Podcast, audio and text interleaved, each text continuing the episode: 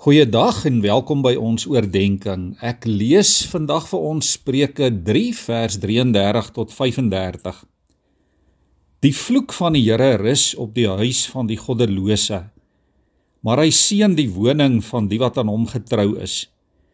Met ooghartige spotters dryf hy die spot, maar hy is goed vir die wat beskeie is. Wyse mense verkry eer, maar dwaase kom al hoe meer in die skande. Liewe vriende, ons sien hier 'n hele paar van die tipiese teenstellings wat 'n mens oral in die Spreuke boek kry. Goddeloses teen die wat die Here dien. Hoogmoediges aan die een kant teen nederiges, dwaase teen wyses. En as ek hier lees dan lyk dit vir my of die Here aan die kant van die nederiges en die wyses is. Aan die kant van die wat hom dien. Daar word gesê hulle sal geseënd wees. Hulle sal die Here se goedheid ontvang en geëer word, terwyl die aan die ander kant vervloek en gespot sal word en in die skande sal kom. As 'n mens egter in die wêreld rondom ons kyk, dan lyk dit baie keer of dit andersom werk. Die goddeloses lyk dit vir ons baie keer leef in weelde. Hulle is voorspoedig, hulle is gesond. Hulle leef sonder bekommernis, sonder sorges. Dit lyk of hulle glad nie teëspoed beleef nie, terwyl die wat die Here dien aan die ander kant dikwels swaar kry. Hulle sukkel, hulle het talle struikelblokke op hulle pad. En 'n mens voel amper so stilweg jaloers op die goddeloses se voorspoed. 'n Mens wonder baie keer maar hoekom moet dit so wees? Asaf die skrywer van Psalm 73 het byvoorbeeld ook daai gevoel gehad en hy sê Dit het hom amper laat ophou glo. Omdat dit vir hom gevoel het of sy toewyding aan die Here geen waarde het nie. Maar die Here het sy oë oopgemaak. Die Here het hom laat sien wat die uiteinde van die goddeloses is. Daar kom 'n dag wat die Here hulle planne laat skeefloop.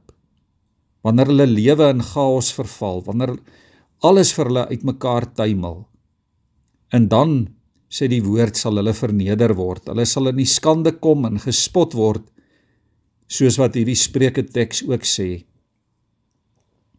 Jy en ek het die Here in ons lewens as ons gelowiges is en as ons deur Jesus aan God verbind is. En dit is al wat belangrik is. Dit is al wat tel. Dis al wat vir ons nodig is om van sekerheid te hê. En dit is mos baie belangriker, liewe vriende, as enige aardse besittings of sekuriteite. Dis tog baie beter as kortstondige voorspoed en oppervlakkige geluk. Die psalmdigter sê in Psalm 73 ook: Al is ek afgetakel na liggaam en gees, God is my sterkte. Aan hom behoort ek vir altyd.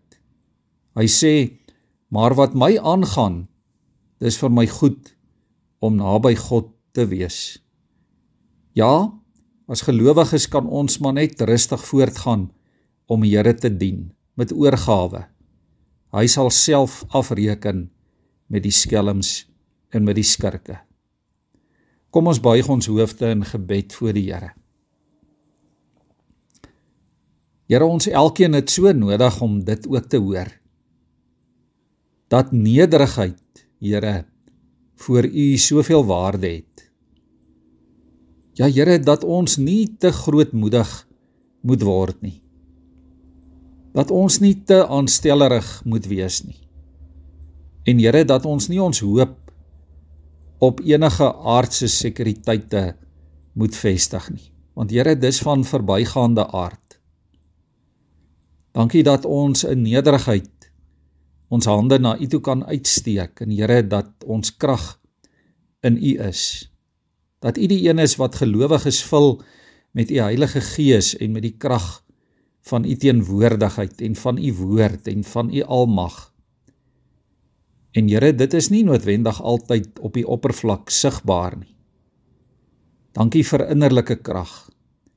Dankie vir die wete dat ons veilig is in U hande dat ons as gelowiges in Jesus aan U behoort, dat ons sekuriteit in U is, dat ons 'n ewige toekoms het. Ewige hoop, ewige rykdom, ewige oorvloed en oorwinning by U. En Here soos Paulus daar in Romeine 8 sê, daar is niks wat dit uit ons hande kan uitruk nie. Daar's niks wat ons kan skei van hierdie sekerheid wat ons in U liefde het nie. Dankie daarvoor, Here. Gee dat dit vandag in alles ons sekuriteit sal wees. Amen.